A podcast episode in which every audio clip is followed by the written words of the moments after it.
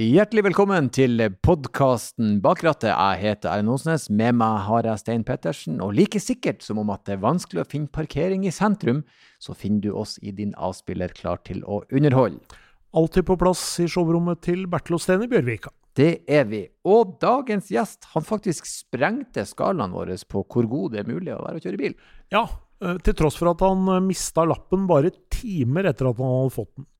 Han er også faktisk en som kjører hele tida. Ikke for at han insisterer, men han er verdens dårligste påsitter. Dagens gjest er TV-personlighet, programskaper og profesjonelt bensinhue Nils Wærstad. Dette var en prat som strakte seg over flere kontinenter og sprengte flere rekorder, Stein. Ja, Helt utrolig. Det er bare å glede seg.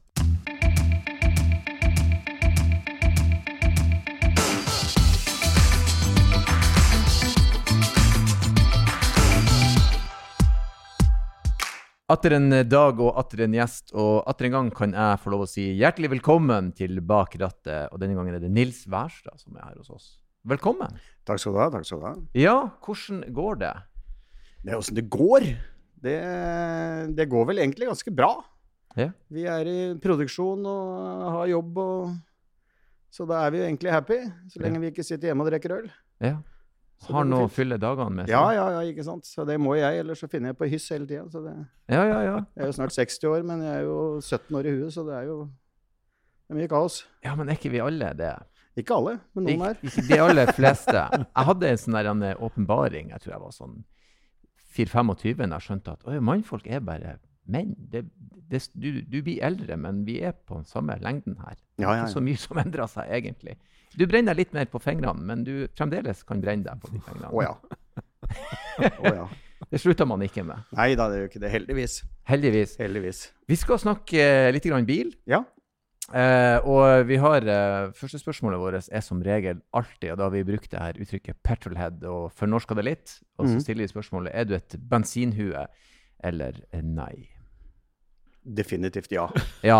Og her, Stein, her må, her, er her må vi ta et sidespor og se. Han anerkjenner med en gang uttrykket, han vet hva dette er. Han kunne definert, altså ja, han kunne vært ja, den som definerte Ja. bensinhue, tenker jeg. Så da er, du, da er vi der. Veldig mange tror det handler om drivstoff, men det gjør det ikke. Nei, det gjør ikke det. Det handler om en eller annen eh, fascinasjon for eh, en, en, en attrapp. En, en, en, en maskin Mm. som Og det er så mangeslungent, Mm. fordi det er alt fra den følelsen det har å ha den friheten det er å sitte bak et ratt. Mm. Eh, det handler om lukter, det handler om lyder, det handler om tekstur på interiør, det handler om eh, linjer. Det handler om drømmer og minner og fantasier. Eh, det handler om frykt og redsel og vill glede og Det er så mye. Det eh, applausøyeblikk i bakrattet. Det her må vi klippe ut og legge på sånn musikk i bakgrunnen. Men du, men du har rett, fordi at det er liksom eh, eh, Jeg tar meg sjøl ofte i bare å få samme kjøreglede når jeg sitter på en, en gressklipper og styrer. Ja. For det er motor, det er lyd, det er rister, det er lukt, og det er du, du, du, du jobber med maskin, rett og slett. Ja, ja. Det, det, er så, det er så, du sier, det kan være alt, egentlig. Ja, og det er jo, ikke sant, jeg, jeg eh, holder jo på med et sånt løypelag ute på bygda. Mm. Og der har vi jo da en sånn eh, svær rød maskin med lys på taket og, som vi lager skiløyper med. Mm. Og det er gromt som faen, ikke sant. Det er så mye knapper. Mm. Det er så mye hydraulikk og ting som skjer, og det går jo i 12 km i timen. Mm. Men det er en maskin, ikke sant. Det er purpose made. Mm. Og når du snur deg, og du kjører om kvelden, og du snur deg og ser de der helt perfekte skispora, Mm. og du bare veit at førstemann som går i de skispora og har med seg bikkje, han blir høgd ned med et samuraisverd. For du skal ikke ødelegge skiløypene mine. Og det er den derre Jo, men skal altså bare det, ses på og betrakte. ja, det skal, ja. Jeg har alltid foreslått at vi skal ha påsynsløyper. Altså vi kjører scooterløype ved siden av, det er der folk går, og så kan man se på skiløypa. Jeg har ikke fått helt gjennomslag for det nå, da, men det, Ikke rør stuegulvet mitt. Påsynsløype, det er bra. Men du kjører altså rett og slett lø- lø- løypemaskin? Ja, ja. Jævlig tøft. Hvor lenge har du gjort det?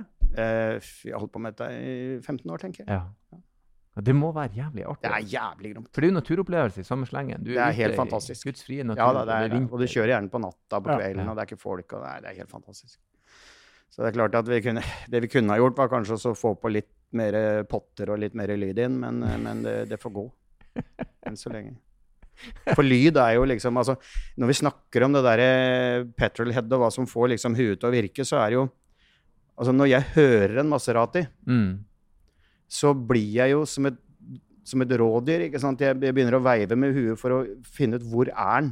Ja. Ikke sant? Jeg, jeg, jeg, jeg, jeg, jeg var i Berlin med kona mi for noen år siden, og så kommer det da en, en Maserati med Som har Altså, det er jo en bil du normalt ikke tenker at du bør oppgradere lydanlegget på, men det hadde de gjort der, da. Og jeg blir jo helt tullete. ikke sant? Jeg begynner å løpe over midtrabatten for å komme i posisjon. Så jeg liksom forstår nært nok, liksom. Og jeg er jo også en av de som, hvis jeg kjører noen ting som har liksom rette lydbilder, så er det jo så det er helt sånn standard. Det er ned med alle vinduer når du kjører inn i tunneler, og mellomgass og Mm. altså det, det, det, Men hva er det, liksom? Det er derfor man har bygd tunneler. Ja. Ja, det er jo ikke noen annen grunn Nei. til det. Ja. Ja. Det er bare for, å lage, bare for at du skal få Ja, ja, den men, opplevelsen. men hva er den greia? Og så er jeg helt uinteressert i motorsykler. Oh, ja. Ja. ja. Jeg får ikke, altså, jeg får ikke pels i det hele tatt. Jeg kan komme hva du vil. Men liksom det, det skjønte jeg i tidlig alder at det der, er der, det skal du holde deg unna. Det er, eh, For det første så er det Jeg er ikke skrudd sammen sånn at jeg skal sitte oppå en motorsykkel. Jeg debuterte på tung motorsykkel i Roma når jeg var 18 år. Da hadde en kompis av meg Vi var på fylla i Roma, og så kom han om morgenen og hadde leid to Cava 900-er. Og jeg hadde bare kjørt mopeden til kameraten min, en Tempo med, med Comet-utstyr, en fire-fem ganger, for han var så jævlig kjip, så han fikk alle låne mopeden til. Og så skulle du da kjøre Cava 900 i Roma. Det er en viss sånn årsak og effekt her. Jeg ser at du kan få den innstillinga. Ja. Og det gikk jo liksom tre timer, så var det jo liksom å se om det var mulig å få det opp på bakhjul og sånne ting. Så det er, det er, det er det enkelte ting du veit du ikke skal drive med.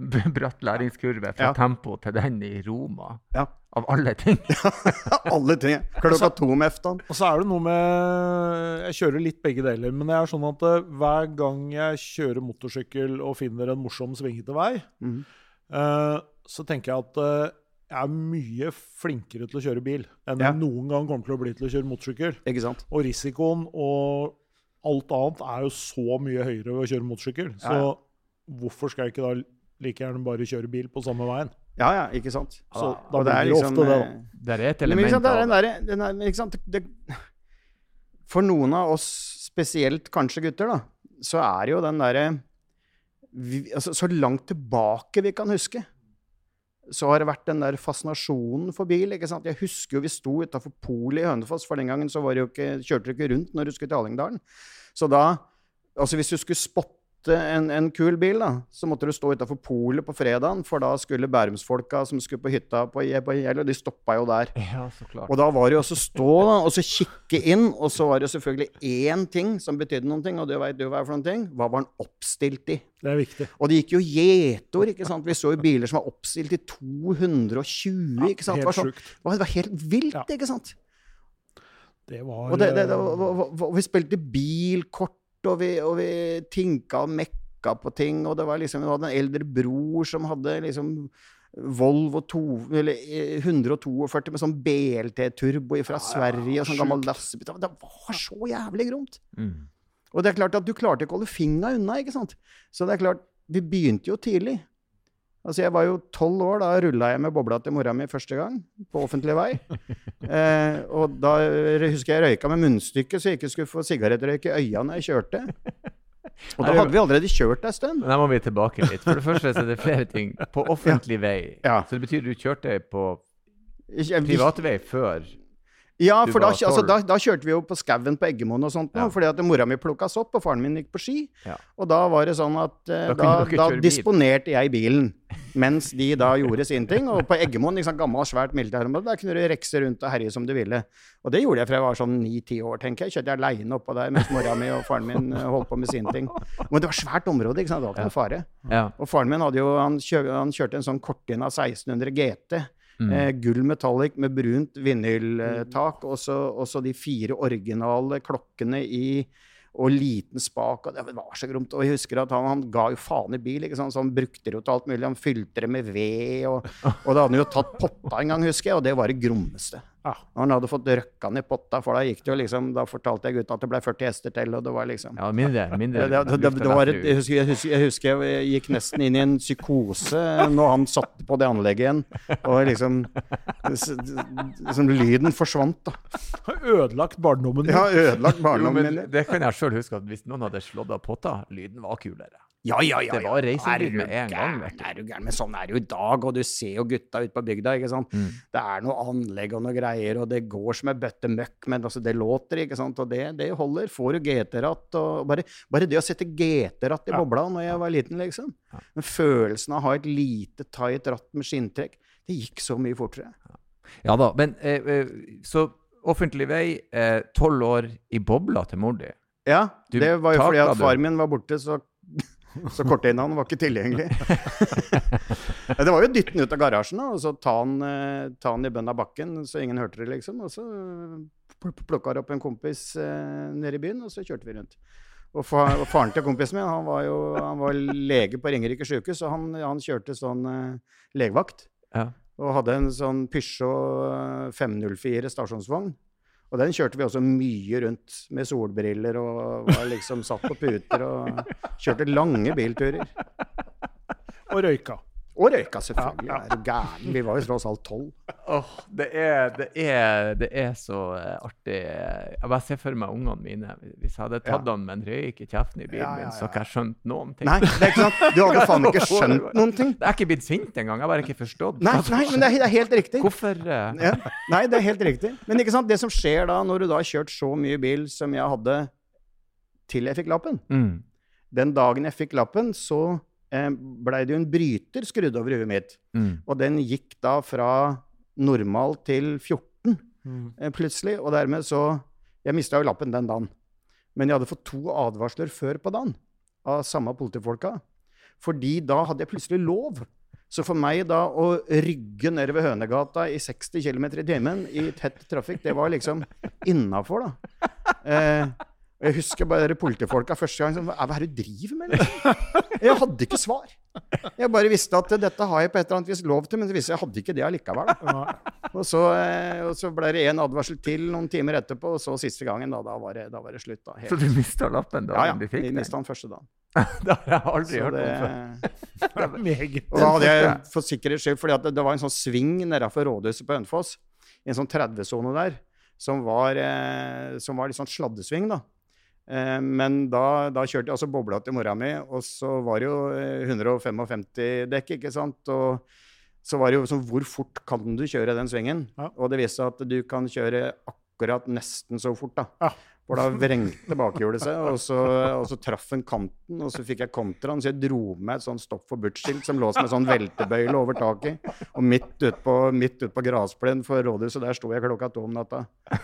Og da kom de igjen, da. Da var det liksom eh, Ja. Da var det ikke noe diskusjon. Hvor lenge mista du lappen da? Eh, et døgn. Ja. Fordi eh, jeg skjønte at han der politiadvokaten som hadde saken, han hadde samme bikkje som vi hadde. Vi hadde en sånn der briar, som var veldig sjelden den gangen. Eh, så jeg tok med bikkja ned. og så, Derfor så prata vi en halvtime først om bikkja. da. Og så jeg, og så hadde vi en eller annen fjern slektning et eller annet sted, så jeg fikk samtalen inn på det. Og så begynte han å få litt dårlig tid. og så sa han, ja, men det er ikke sånn der gangster du som henger nede i byen sånn Nei, nei, nei, så jeg er ikke det i det hele tatt. Nei, nei, men ok, det er, jeg, er menneskelig å gjøre feil, liksom, så da går du til, til Brattvollen, og så tar du med lappen her, og så, så, så, og så skrev han en sånn note, og så gir du den til han, og så får du tilbake førerkortet. Han, han lensmann Brattvoll, han var så forbanna. Han sa at hvis jeg møter deg med uvaska bil, så skal du faen meg miste lappen. Så det Og siden så jakta de på meg alle år, for de visste jo at det var gærent. ikke sant? Det var kanskje ikke så rart, det. Uh, jeg bare, jeg blir så glad inni meg. La meg ta med bikkja og finne en tråd vi kan snakke om her nå. Her er det på forhandlings- Sosial kompetanse på ganske høyt nivå. Ja Da. Ja, da. Ja, ja, ja. Jeg mista lappen en gang seinere også, husker jeg. Og, da, det, og det var sånn helt idiotisk klokka fire om morgenen en sommerdag. Ja. Og så sto de og venta oppe ved Klekken hotell der, ikke sant. Så, og det var en lørdagskveld, og, og det var den lørdagskvelden jeg ikke hadde vært på byen eh, de, de 15 åra. Og så skulle jeg kjøre en kompis hjem igjen. Jeg vet ikke hva det var. Det må ha vært noe helt eksepsjonelt som gjorde at jeg ikke hadde vært på byen. Men i hvert fall så ble jeg taua inn, og så hadde jeg da eh, 87 i 60, og så ryker den på 86. Mm. Og det, og det, og det var og den godta seg, for endelig, nå fikk vi tatt faenskapen igjen. Nå Nå, har vi den igjen, liksom. Nå har vi den. Og så dagen etterpå da, så går jeg ned på politikammeret, men da jobba jeg i lokal-TV-en der, og han politimesteren vi hadde den gangen, han elska å være på kamera. Så når han så meg opp i gangene der, så kommer han jo mot meg med en gang. Liksom, da var han stressa, for det var ikke han som skulle bli intervjua. Mm. Og så sier jeg, så, så, hvem skal du intervjue i dag, da? sa han. Eh, Nordlending. Så jeg, nei, i dag er det jeg som skal bli intervjua. Så så der, var litt uheldig. Å, uheldig? Og så forklarte jeg situasjonen. Altså, ja, ja, regler er regler, vet du, man følger. Altså. Hvem er det som er saken din, forresten? Og så, nei, han og han da. Ja, ja, sånn går det, vet du. Regler må regler. Og så gikk han bort ved gangen, og så bare skar han inn til han der fyren som hadde saken. Og så var han der i 30 sekunder, og så, kom til, så bare gikk han videre. Og så ble jeg bare vinka inn, da, og så, og så kom jeg, og så satt den bare helt sånn deflated. Ja, det er visst noen her som har bestemt at du skal få igjen lappen. Så var det et døgn der òg, da. Så det var nei, I gamle dager, altså. Nydelig med korrupsjon. Ja. Det savner ja. jeg. Du, men Det var ei fin tid. Det var ei fin tid, for da kunne du sno deg, ikke sant. Du kjente folk, og det var liksom Det var, det var god, gammeldags norsk korrupsjon. Ja. Sånn som vi savner det. Så det, det å ha litt kontakter ikke var så dumt. Redda deg fra alt. Det er jo helt uh, Ingenting fikk konsekvens. Helt nydelig. Vi, men uh, jeg vil, jeg vil prøve litt. Du sa jo at faren din var ikke noe interessert i bil. Han brukte Cortina GT-en til å ve i, Ja. Som jo er noe man overhodet ikke skal gjøre. Nei, det er riktig. Men din interesse, hvor du tror den kom ifra, da? Det er ikke så godt å si, men jeg, jeg jo Jeg debuterte jo med en ganske lang biltur. Mm. Uh, før jeg var ett år Jeg har jo fire eldre søsken. Før jeg var ett år, så, så Faren min var offiser. Og så skulle vi flytte til, eh, til Jerusalem. Eh, og bo i Midtøsten da, i et par år. Og da fant jo min mor og far på den geniale ideen at eh, han skulle gå ned på Ford Service, og så skulle han kjøpe en eh, 17M stasjonsvogn. Og så skulle vi pakke fem unger og alt vi trengte inn i den 17M-en, og så skulle vi kjøre til Jerusalem. Nå, til Jerusalem. nå Ja, ja. kjører vi til Jerusalem. Nå kjører vi til Jerusalem. Og det var jo altså, hvis, altså ja, Og hvis folk husker Ford på den tida, så var det jo altså Det, altså, det, det, var, det, det var jo dritbiler av, av, av bibelske dimensjoner. Og dette er her, den derre forferdelige V4-eren Altså, toppen gikk jo allerede i Tyskland. Og den var splitter ny bil. Hallo. Altså, det, det, det, det var så mye kukk og gæli med det der greiene der.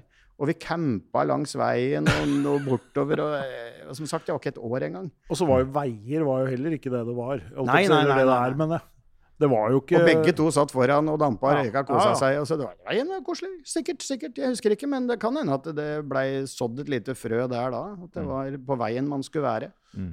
Men noen av de søsknene som er eh, like opptatt av bil som deg, eller? Ja, broren min er også kokos. Ja. Han er også sjukehus. Mm. Så For det eh, har jo ofte For jeg har jo to eldre brødre, og særlig han ene er jo som meg. ja. Og det er klart at uh, når han dro i militæret og la igjen liksom uh, 450 bilblader i skapet, Ja. så da blir du jo litt gæren av det òg. Forskjellen på meg og broren min er at han kan jo skru. Ja. Altså han kan veldig, veldig skru. Mens jeg var mest den som gjorde at han måtte skru det sammen igjen. Så det, det Men det var klart det var gromt å ha en storebror som hadde sansen, og som hadde breifelger og, og GT-ratt og alt mulig rart. Og, eh, ja, det, det var jævlig gromt. Og, det, og fikk jo være med det. Fikk jo kjøre. ikke sant? Han satt ved siden av. og Da var jeg også sånn der eh, 10-12 år. ikke sant? Og Mm. Øvelseskjøring, som vi kalte det. Det, var, det er viktig å komme i gang med øvelseskjøring, Det er veldig viktig. Ja. Det er veldig viktig. Og, men det er faktisk et poeng, ikke sant? Fordi at jeg har jo, begge jentene mine har jo lappen, selvfølgelig. Og så eh, ene studerer i Oslo, og, og da blir det ikke mye bilkjøring, og det er ikke bra. Nei. Hvis du har sånne lange opphold Mm. hvor du bare tar kollektiv trafikk, så blir du en Du får aldri henta deg inn igjen. Så hvis du skal være en god sjåfør for resten av livet, så må du, du må holde på med det hele tida. Så jeg har jo sørga for at de har hver sin lille Audi A2, som jo er en fantastisk liten bil. Mm. Den ene kjøpte jeg ny i 2002. Den heter Rolf. og den, eh, Nå har den passert 350. Jeg går og tikker som ei klokke. En Ja. fantastisk lita bille. altså. Ja.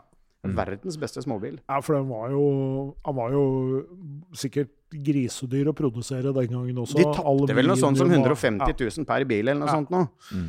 Og det er jo lagd i aluminium, Ja. og det er liksom eh, det er også Når du setter deg inn i en Polo etter å ha kjørt den, så skjønner du ingenting. For det er som å kjøre en stor Audi, Ja, sånn innvendig og sånne ting. Det er jo en genial liten bil. Mm. Så jeg må jo piske dem til å kjøre bil Ja. jevnlig, da. Det er viktig. Ja.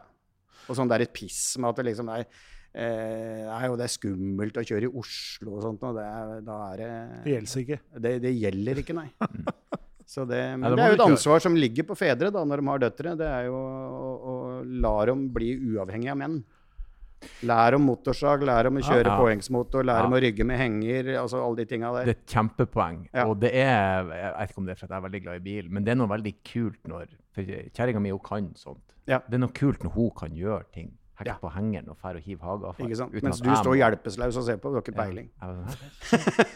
Nei, det er, noe, det er bra, det skal man lære det. Men det med kjøringa, det er veldig snedig. For av en eller annen grunn så blir det gjerne sånn, spesielt når man havner i et parforhold, at det er mann som kjører. Ja, jeg, altså, jeg kjører jo alltid. Mm. Med mindre jeg har påviselig promille. Så er jeg som kjører. og Påviselig. Det, ja, og det er, men det, det er rett og slett bare fordi at uh, det er ingen som vil sitte på meg. Nei. Eh, Eller unnskyld, de vil ikke kjøre Nei, mens jeg sitter på. Og det det, gjelder kollegaen min også. ikke sant? Mm. Han, han, eh, Er du en dårlig påsitter? Jeg er en forferdelig påsitter. Eh, og selv om jeg får da streng beskjed om å holde kjeft, så har jeg et kroppsspråk tydeligvis da, Ja. som avslører eh, at jeg misbilliger enkelte av manøvrene. Det er såpass, ja. Så ja, ja, jeg klarer ikke. Jeg klarer ikke. Det er altså, Så jeg kjører alltid når jeg er sammen med kompis, og jeg bare får nøkla. For de orker ikke. La han bare kjøre. Det er like Ja, nei, men, men det er fordi at de sitter på nåler, ikke sant? for de veit at de blir, de blir de, det er verre enn å kjøre opp. En enhver- Mye verre enn å kjøre opp. Ja. For dette får konsekvenser.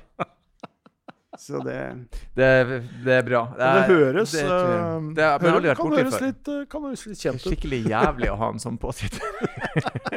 Men hva var første bilen du kjøpte sjøl som var din bil? eh, Boble 1302 S. Ja. Lyseblå.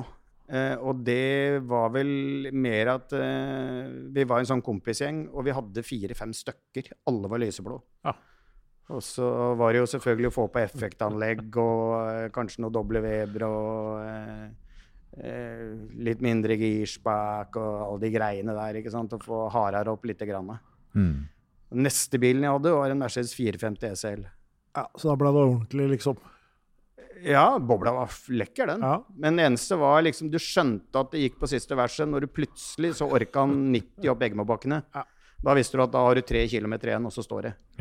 Han blei merkelig sprek, liksom. Ja. Gud veit hvor mange motorer vi rasa på de boblegreiene. Og det, Nei, du det var- skjønte det, altså, for det plutselig så blei han sprek. Og så hadde du liksom ikke noe Du har ikke noe egentlig noe Du har jo egentlig ikke så veldig mye kontroll på hva som foregår baki der. Det For det er jo ikke noe instrument, det er ingenting. Og det er liksom sånn Det kan gå bra, det kan ikke gå bra. Jeg husker jeg lånte boblecaben til en kompis en hel sommer, og, og kjørte og kjørte. Og plutselig en dag jeg har vært på trening, kjørte hjem, skar seg. Ja. Altså Jeg hadde ikke Tenkte ikke over noe spesielt. Det var bare ødelagt. Det bare ødelagt. Nei, det bare står. Ja. Ja, ja. Nei, så det Nei da. Så det, det, jeg har hatt mye rart av biler. Ja. Har det. Men eh, du må jo ha hatt kjempemye eh, altså En bil interesse, har kjørt bil i mange år, du må jo ha masse biler, det sier seg sjøl. Men hva er den bilen du på en måte som skiller seg ut? Du tenker sånn, den skulle jeg gjerne ha hatt enda. Eh, vi hadde en Mercedes 300 SL 6,3, Mm. 71-modell.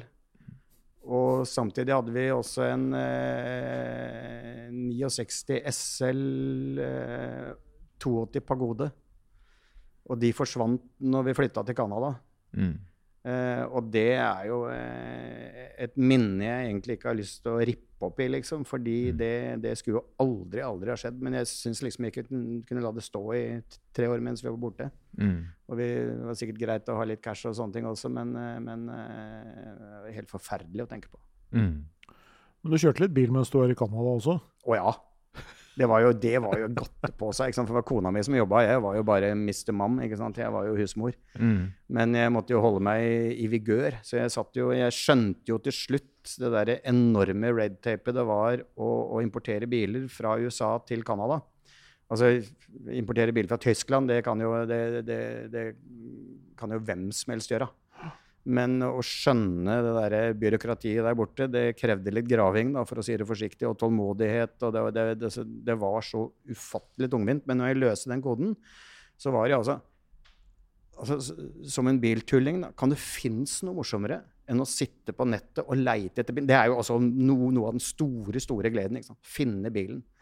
Og så finner du en bil som da helst er ganske langt unna i USA.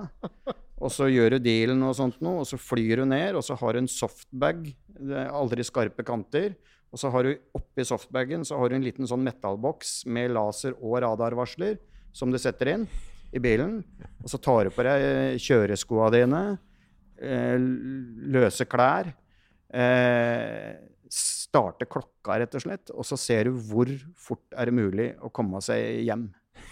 Eh, og, det er, og da er det jo gjerne noen ting som er gromt som du kjører også. Ikke sant? Det er kanskje en M3 eller eh, sånne type biler. Ikke sant? Og, så Mm. er det, og så er det på veier du aldri før har kjørt.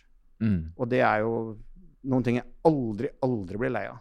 Med en gang, Selv i Norge, hvis jeg kommer på en vei jeg aldri har kjørt, så kjenner jeg en sånn eufori. Mm. Men det er uh, mye politifolk og politibiler i USA. Ja, men det er også mye god radarvarsling og laservarsling. Ja. Eh, og du hører dem jo, fordi at de måler deg jo når du kommer mot. Ja. Ikke sant? Du, du kommer møtende en politibil, og så har den jo piperen på. Ja. Men ikke sant? veldig mange av disse statene du kjører gjennom, er jo sånne rolling hills. ikke sant? Så du hører den første pipen idet vi liksom møter hverandre fem, fem pip unnafor. Og da legger hun litt ned, da. Så Men- det gikk bra, stort sett. Det, det, ja, og så er det jo også en annen ting, og jeg har blitt stoppa gud veit hvor mange ganger i USA. Jeg og Ronny har jo lagd sikkert 14-15 programmer fra USA og kjørt rundt overalt. Mm. Og det som er greia, er eh, snakk norsk, Ja. og vis fram det norske førerkortet. Eh, og til slutt så må du snakke litt engelsk, da. Men, men det er ingen som gidder å gjøre noe mer, for det er for mye papirarbeid og styr. Ja. Så du får liksom bare litt sånn eh, meldinger om at de der skilta der med de tallene på, det betyr faktisk noen ting, og sånne ting. og Altså, jeg og Ronny har blitt stoppa hver eneste gang vi har vært der borte. Sikkert fem-seks ganger per tur. Ja, for det er noe med noen sånne Ja, og de har litt sånn eh, For det husker jeg jo var på en eh, bilintroduksjon med en eh, tysk bilprodusent som produserer biler i Sør- Sør-Carolina. og, og da var det litt sånn at da fikk vi beskjed at hvis du blir stoppa inne i en av de der småbyene, så får ikke vi gjort noen ting. For Nei. det er han sheriffen som bestemmer. Oh, ja, ja, ja, ja. Så der må du kjøre forsiktig gjennom, liksom. Og så Mm. sitter du og kjører forsiktig, for du er fra Norge, ikke sant. Så kommer en eller annen russer i 260 km i timen gjennom, ikke sant. ja, Og det er sånn Ja, den er grei. ja, ja. Men det, er, det, er litt, det er litt annen måte å drive politiarbeid på. For hvis du stopper langs veien, uansett om du er midt ute i ørkenen, så tar det jo 25 sekunder, så står det en politibil bak deg. Ja, ja. Og det er jo, jeg husker jeg, jeg bodde jo i Calgary i flere år. Og der er det jo sånn at folk bare Altså politimannen bare stopper i et kryss, og så går han ut med den der laserpistolen sin aleine. Og så bare står han der en halvtime og tar folk. Så jeg kjørte jo gjennom laserkontroll flere ganger i uka. Altså det var, altså det var Fordi at det, det var kontroller overalt. Mm. Og det var sånn, sånn som i Norge, så er du, er du uheldig, så kjører jeg gjennom to stykker i løpet av et år. Men, kjørte så, men igjen, da, så var det jo så billig, ikke sant? Ja. Så det var, nesten, det var nesten feil å ikke bli tatt, for du sparte jo så mye penger i forhold til hjemme. Så det var liksom 100 dollar, liksom. Da hadde du feid liksom i, gjennom eh, byen i 40 over, liksom. Så det, det var liksom greit. Men canadiere er, er jo hjelpeløse bak rattet. Ja. Helt hjelpeløse. Og det noen ting som Altså, jeg har jo et, et, et betydelig aggresjonsnivå da, i trafikken eh, når ting eh, oppleves eh, feil. Em, og det og vi, vi dro ut til Lake Louise og sto på ski hver eneste helg, og der er det jo liksom fantastiske veier oppover. Men du kan ta deg faen på at du kan ligge fire mil bak to stykker som ligger ved siden av hverandre i tre felt, i nøyaktig samme hastighet. Og det var boards overalt, og liksom eh, Leave the left lane for those going fast. Det var ikke sjans, altså. Og hvis du begynte å blinke på dem, så var det bare å glemme det. Ja. Da skulle de ikke flytte seg. Nei. Nei, nei, for det var, det var liksom et angrep på, på eh. Og så var jo det derre vi, vi hadde jo en sånn der firmabil der, en sånn svær SUV med hemimotor. Og så skulle jeg hente den, da, ny, hos forhandleren. Og så Det var jo et beist på 3,5 tonn, ikke sant. Og så er det jo altså I Canada er det vinter, ikke sant. Ordentlig, ordentlig, ordentlig vinter. Og så hadde de noe sånn all terrain, eh, sånn der all season dritdekk på den. Og så sier jeg at jeg vil gjerne ha liksom vil gjerne ha ordentlig vinterhjul på den. da. Og da sitter jo bare han der dustemikkeren han selger bak meg og sier ja, men det er jo firehjulstrekk. uh, ja, det er firehjulstrekk, men det er fortsatt 3,5 tonn. Og det skal liksom, den firehjulstrekken hjelper deg ikke så mye når du skal stoppe, da. Jo, jo, men det er jo firehjulstrekk, sier han. Og det er sånn, du har så lyst til å åpne den lille boksen med ørefiker du har liggende i lomma hele tida. Bare for at faenskapen skal høre etter, ikke sant. Men, eh, men eh, nei da, så måtte jeg jo reise hele Calgary rundt for å få tak i fire ordentlige vinterhjul. ikke sant? Ja, Men så er ser du resultatet også, da, fordi at det, det ligger jo biler strødd. Ja, for det er jo kjemperart, for dette er jo som du sier, et vinterland. Ja. Så hvorfor ikke ha vinterdekk? Det skal jeg fortelle deg. Det er nemlig sånn at det påfører enkeltindividet en, en, en regel de må forholde seg til, som er tredd ned ved Uperom. Og du tar bort den individuelle friheten det er å velge sjøl å kjøre på pølseblank om vinteren. Ja, og det koster penger, ikke sant? Så det å si at det, det er Quebec er det eneste stedet i Canada hvor det er påbudt med å være skodd for, for, med tanke på forholdene. Og de har jo ikke EU-kontroller og sånne ting, så du kan jo kjøre en eller annen slegge på 30 år? Som, som eh, det har ikke bremser eller noe som helst, betyr ingenting. Det er, ganske, det er litt vilt å tenke på i forhold til hvordan vi har det her. Spesielt det med vinterdekk. Det ser jeg på som sunn fornuft. Det handler ikke om frihet til å velge engang. Det er jo ren, skjær fornuft. Det, det var jo den holdningen jeg kom til Canada med. Mm, At her er det kanskje greit å sko seg etter forholda. mm. Men da ble det jo møtt med måping, da, fordi at det var jo som sagt firehjulstrekk. og det Gud bedre. Og jeg blir så sint, ikke sant. Det er, eh, jeg husker vi hadde, jeg og Ronny hadde kontor eh, i Sandvika, og så var vi fram og tilbake til NRK eh, tre ganger i uka. Jeg husker Ronny hadde en plan om å mikke opp bilen. Ja. Eh, for han skulle ha bevis til andre hva som ble sagt inni den bilen. eh, når jeg sto i Smestadkrysset og noen var litt treige ut eller sånne ting. Og det ble også forslag om å montere vindusvisker på innersida av ruta. Fordi det var så mye spytting og fråding. Så, eh, men jeg tar jo ut i trafikken, da. Ja. Eller jeg gjorde. Ja. Nå er jeg jo ikke der lenger, for nå har jeg bytta bil. Men så du er en, en, en som kan road rage, altså? Du kan bli Jeg hatt- irritert i ja, ja, og, og, og, jeg, har, altså, jeg, har, jeg har jo hatt folk ut av bilen, ja. Å ja, så du har tatt han steget lengre?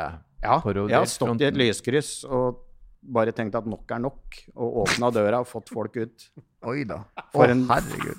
For, for, for, en samtale. For en, for en, Ja. en oppstrammer. Ja, rett og slett. Voksenkjeft, rett og slett. Ordentlig voksenkjeft, ja. Ja, hvordan har det gått? eh? Nei, de blir jo møtt med store øyne og undring, da. Og eh, liksom når, når, liksom skjort, når skjorteknappa ligger igjen på asfalten, liksom, så er det Men tror du de tenker at uh, dette lærte jeg noe av? Det er jeg helt sikker på. Ja.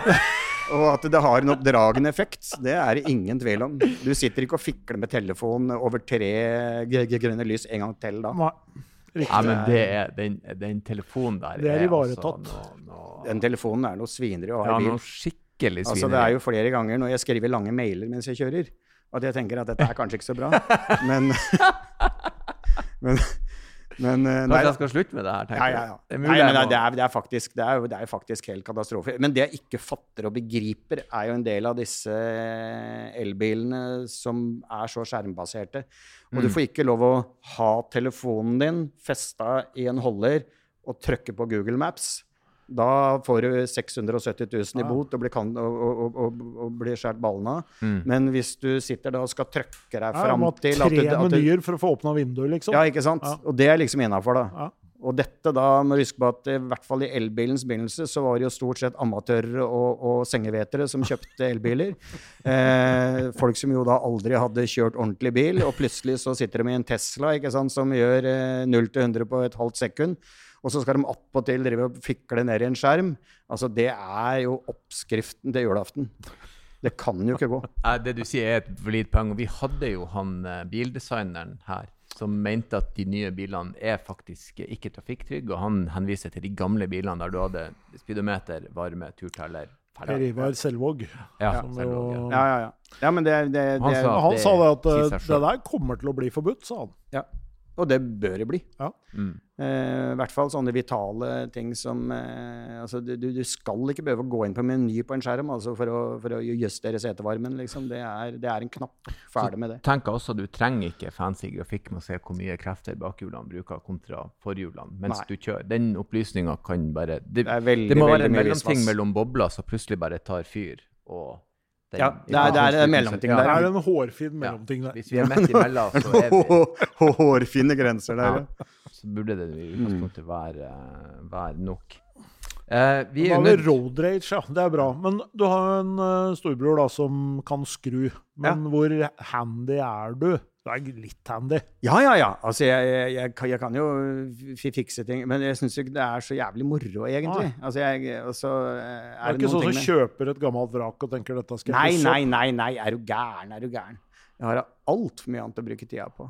Mm. Men ikke sant, eh, road ragen, den er jo den, den, den er helt proporsjonal med hva du kjører. Ja. For alle som har kjørt biler eh, av forskjellige typer, veit at det er en enkelte biler du setter deg inn i, og du kjenner allerede smerten i panna, for horna begynner å vokse.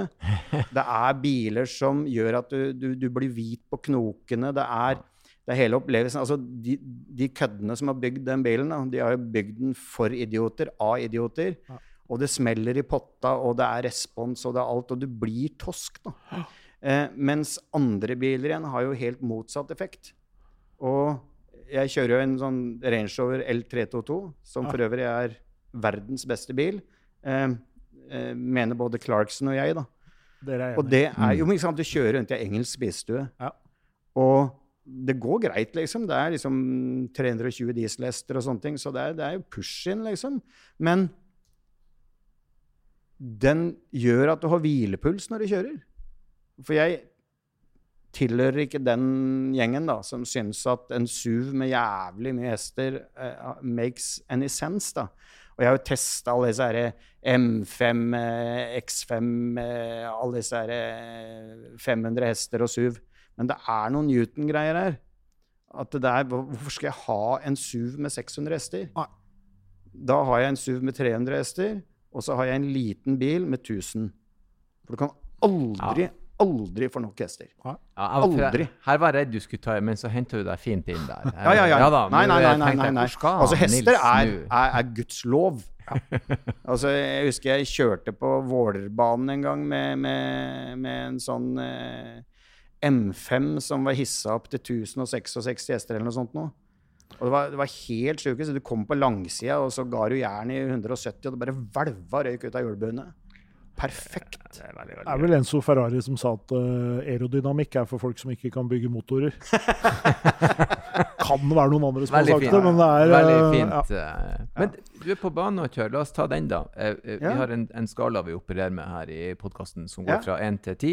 Ja. Der, ja, den er jo ganske selvforklarende. Mhm.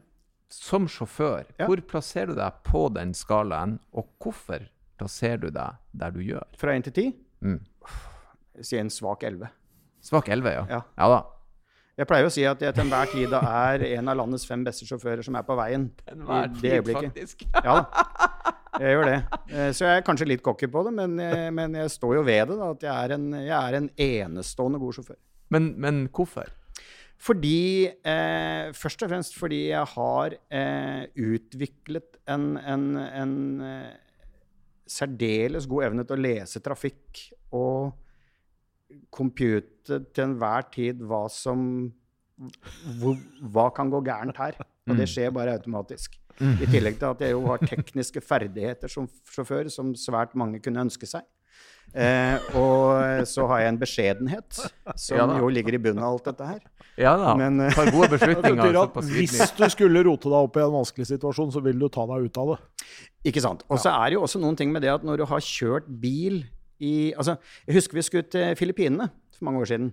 Og da sa jo alle reiserådet at det siste du skal gjøre, det er å kjøre bil i Manila, liksom. Og, og som en motreaksjon på det, da, for sånn skal jeg ikke høre nå, så fikk jeg tak i eh, Jeg fikk leid en, en Lincoln Continental av samme type som den, eh, som den Kennedy ble skutt i. Ja, den er jo, den er jo tre fot mindre enn Bastøferja.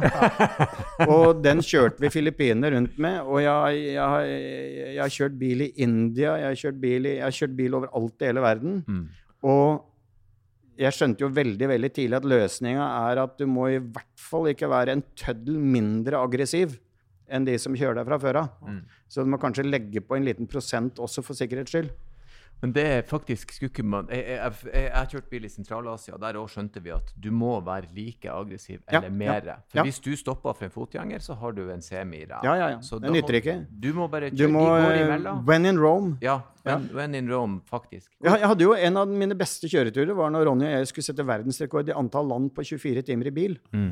Vi tangerte den eh, riktignok, men eh, da kjørte vi en, en BMW M535 diesel fra, fra Belgia og endte opp på grensa mellom eh, Tyrkia og Hellas eh, på 24 timer. Og tok vel 18 land, tror jeg det var. Og vi hadde jo tatt 20 hvis det ikke hadde vært fordi at eh, vi ble stående Gud veit hvor lenge pga. noen datafeil i Makedonia på grensa der eller noe sånt. noe. Mm. Men da hadde vi snitthastighet på 24 timer på 136,8 km i timen. Det høy snitthastighet. Ja, det er, høy, det er jævlig høy er. I hvert fall når du har kjørt inn i. Kosovo bak eselkjerrer og drit i Altså, hvis du skulle gjette Altså, Hvis Ronny som satt på, skulle gjette, så hadde han gjetta at vi hadde snitthastighet på 240. Ja, for det føltes jo sånn hele tida. Ja, Ja. Det, er jo det, det, er, det går på fullt. ikke sant? Det Ja. blinka jo overalt nedover hele Europa. Altså, Det var sånn, det så, så ut som du gikk på rød løper på Cannes. Altså. Men hva var men, det, det, var, det, det var i forbindelse med TV? Da, Ja, og ja, dere skulle da sette Vi verdensrekorden? skulle oppleve kulturen i de forskjellige landene. Viktig. 18 land på 24 timer, det er ganske hissig, da. Ja, ganske hissig. Men vi lå jo på 20, da. Det var det som var målet, og det hadde vi klart. Og hadde det ikke vært fordi at det dukka opp dette dataproblemet, og at de hadde stengt en vei inn til Kosovo. Men nå har du kjørt bil i, over hele verden. Hvor er den verste plassen du har kjørt bil? Hvilken- India. Vi kjørte The Shandigar Highway fra New Delhi til Shandigar. Mm. Og når du ser på kartet, så tenker du at ja, ja, det er vel et par timer. Åtte timer etterpå så ruller vi inn i Shandigar, og vi er dekka av sot og drit, og det er åtte filer i hver retning. Og da går jo disse svenske Volvo-bussene går ytterst, og de kjører i 150. Eh, de to innerste filene er stort sett reservert for kammeler og folk som ligger og sover. Eh, og, og vi møtte en sånn kilometerlang kolonne med de største skurtreskerne jeg har sett i verden, i motgående kjøreretning på denne highwayen. Ja. Og du så bare det gløda i sigarettene til de som kjørte. Det var ikke lys, det var ingenting. Og måtte jeg vekke Ronny og si at dette, dette, dette må du se, for du vil ikke tro det hvis jeg, ikke, hvis jeg forteller deg det etterpå. Mm. Det var altså det fullstendig gass. Og jeg har kjørt rally og aldri vært så sliten i mitt liv som når jeg kom fram til Chandigarh Ja. og tenkte at dette her er Dette går på tross. Mm. Og så er det jo noe med at når det bor en milliard mennesker i et land, Ja, så blir det også en del kjøretøy ut av det. Det er det gjør det. Ja. Og kameler og Ja. sykler og Ja. hva faen det ikke er, altså. Mm. Det var en trafikkmiks som var eh, ja, den var, var høyst spesiell. Hm. Høyst spesiell. Så India, det er der Hvor er det Ja. beste, beste landet du har kjørt bil i? Mest tilrettelagt? Mest tilrettelagt. Det beste landet, det enkleste? Åh, det enkleste Det må jo være morsomste, da. Mm. På et eller annet vis. Altså eh, USA er kjedelig. Mm. Kjedelig land å kjøre bil i, egentlig, for det er for bra veier, for å si det sånn. Det er liksom det er endeløse strekker, stort sett, da. Mm. Eh, men kanskje en av de morsomste bilopplevelsene jeg har hatt, var når vi kjørte en sånn eh, gruppe åtte eh, Baja-racer i, i Mexico. Mm. Eh, som vi da kjørte det som kalles for verdens lengste og beste overland experience. Altså du bare tar av fra veien, og så kjører du ut i naturen i ei uke. I en bil med en 300 hesters eh, Subaru-motor bakpå, og den veier jo eh, 26 kilo hele driten. Og det er 40 cm fjæringsgang, og det, er, altså, det var det sjukeste av moro. Mm. Det var helt vilt. Mm. Altså, du kunne bare gønne på over ørkener og gjennom fjell, og det var ikke folk, og det var ja, Det var helt vilt. Det er det morsomste jeg har hatt bak rattet noensinne. Mm. Det var altså Du snakker om å leike, altså. For da er du jo litt tilbake der vi starta i dag, nemlig det derre med å være et bensinhue, da. Ja. Eh, altså det der med at eh, du sitter i en bil og gjør noe, og du tenker at det, bedre enn dette her, Mm. det kan jeg faktisk Nei. ikke ha det. Nei. Det er helt peak, liksom. Ja, det er, det er helt pikk. Ja. Det er helt riktig. Ja.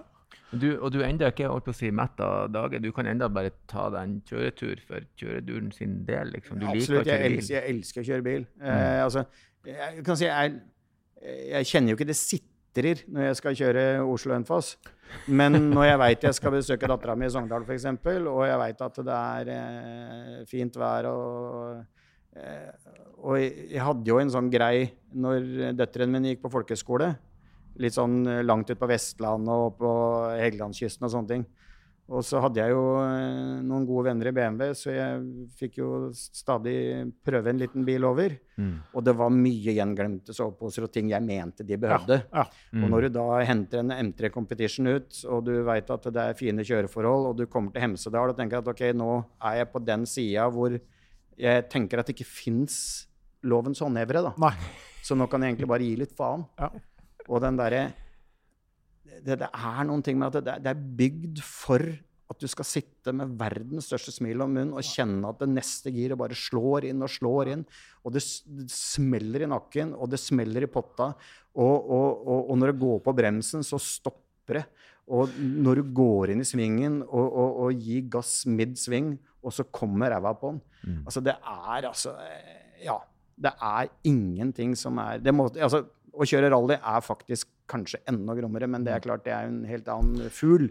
Men altså, det der å, det der å ha riktig bil på riktig sted, det er eh, Ja.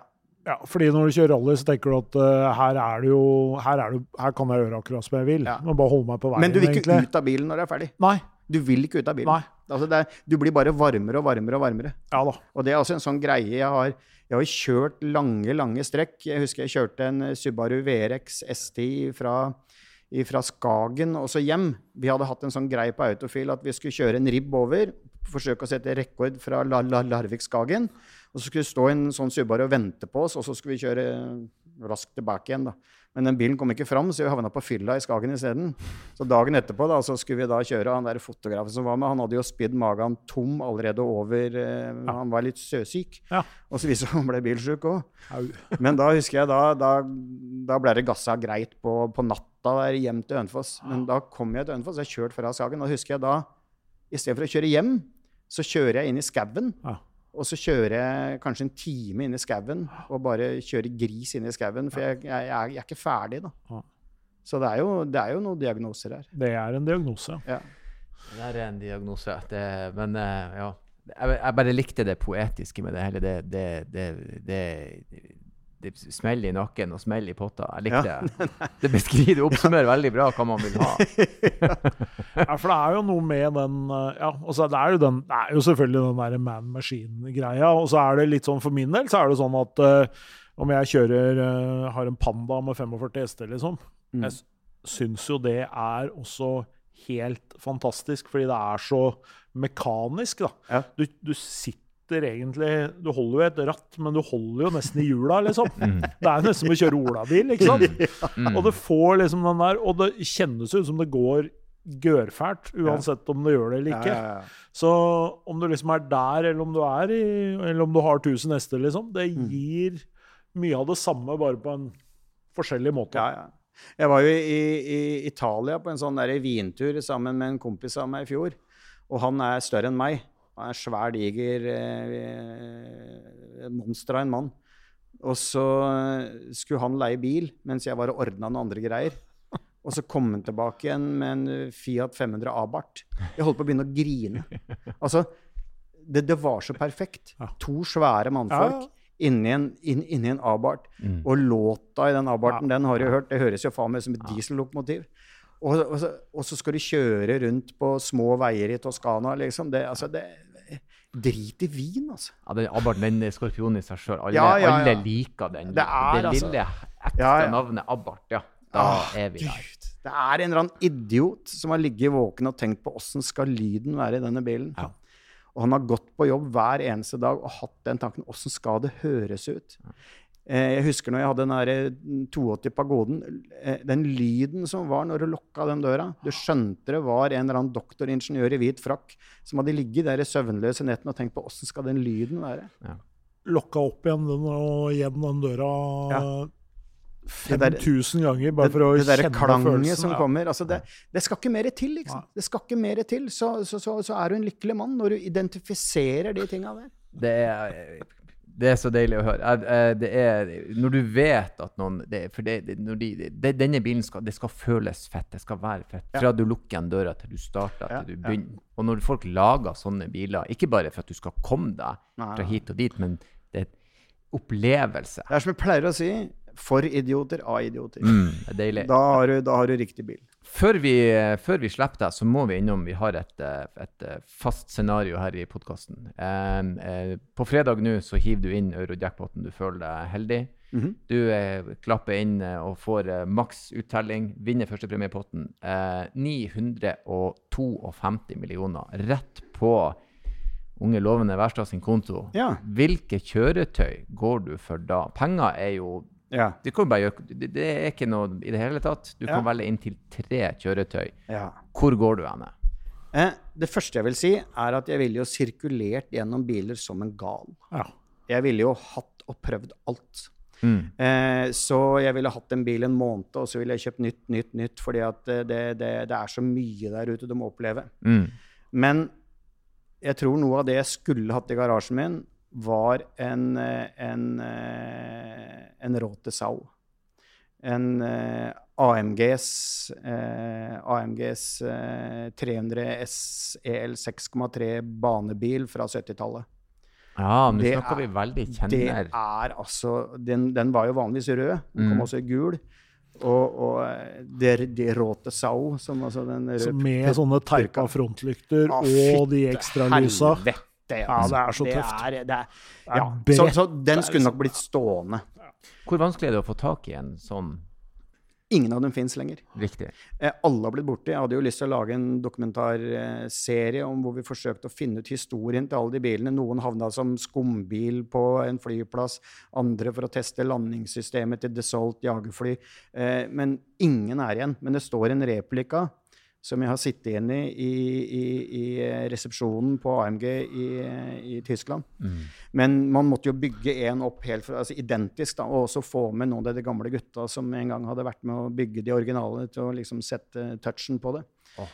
Eh, det, den, den skulle nok få lov å stå i garasjen. Eh, og bli brukt. Ja, men med, med 952 mil så har Ja. du fått en sånn en. Så hadde jeg nok sannsynligvis som en daily driver, så hadde jeg da fått tak i verdens fineste Range Rover L322. Mm. Jeg vil ikke ha den nye. Nei. Eh, det er en veldig fin bil, Ja. men den, er ikke, den, den har ikke den touchen som L322 har. Igjen, Clarkson mener det er verdens beste bil. Jeg istemmer. Mm. Men den skal ha riktig fargen, fordi det finnes noen sånne spunky, jævlig lekre farger til den bilen. Men han skulle gått null kilometer av hvert. og Den skulle vært helt Og så eh, hadde jeg nok rullert mellom alt fra Lamborghini Miroir til, til eh, SLR, eh, Mercedes McLaren til Altså, jeg skulle bare, jeg skulle bare fråtsa. Fråtsa i det verste av det verste. Og kjørt pinne pinneved alt sammen. Ja, for når du har så mye penger, så trenger du ikke å Det er ikke noe stress. Jeg Du får jo solgt det etter hvert. Altså, det, er, det er ikke sånn som bare kaster etter hvert. Så det er jo Ikke så nøye. Nei da. Så det, nei, Det er ganske vært- sikre investeringer, mye av det der, da. Så Ja, Problemet med å få de penga er jo det at du hadde ikke hatt tid til å gjøre noe annet. Du hadde bare kjørt bil. ja.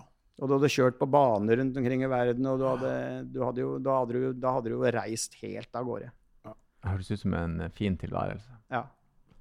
Du, eh, tusen hjertelig takk for at du kom innom. Det var eh, Det var, eh, det, det var så poetisk. Det er nesten, Jeg er sånn varm nå, jeg har ikke lyst til å slippe deg helt, men, eh, men vi må nesten. Det var veldig veldig hyggelig at du kom innom. Og veldig hyggelig å bli invitert. Så sier jeg så til deg som jeg sier til alle andre, at uh, takk for besøket, og kjør forsiktig.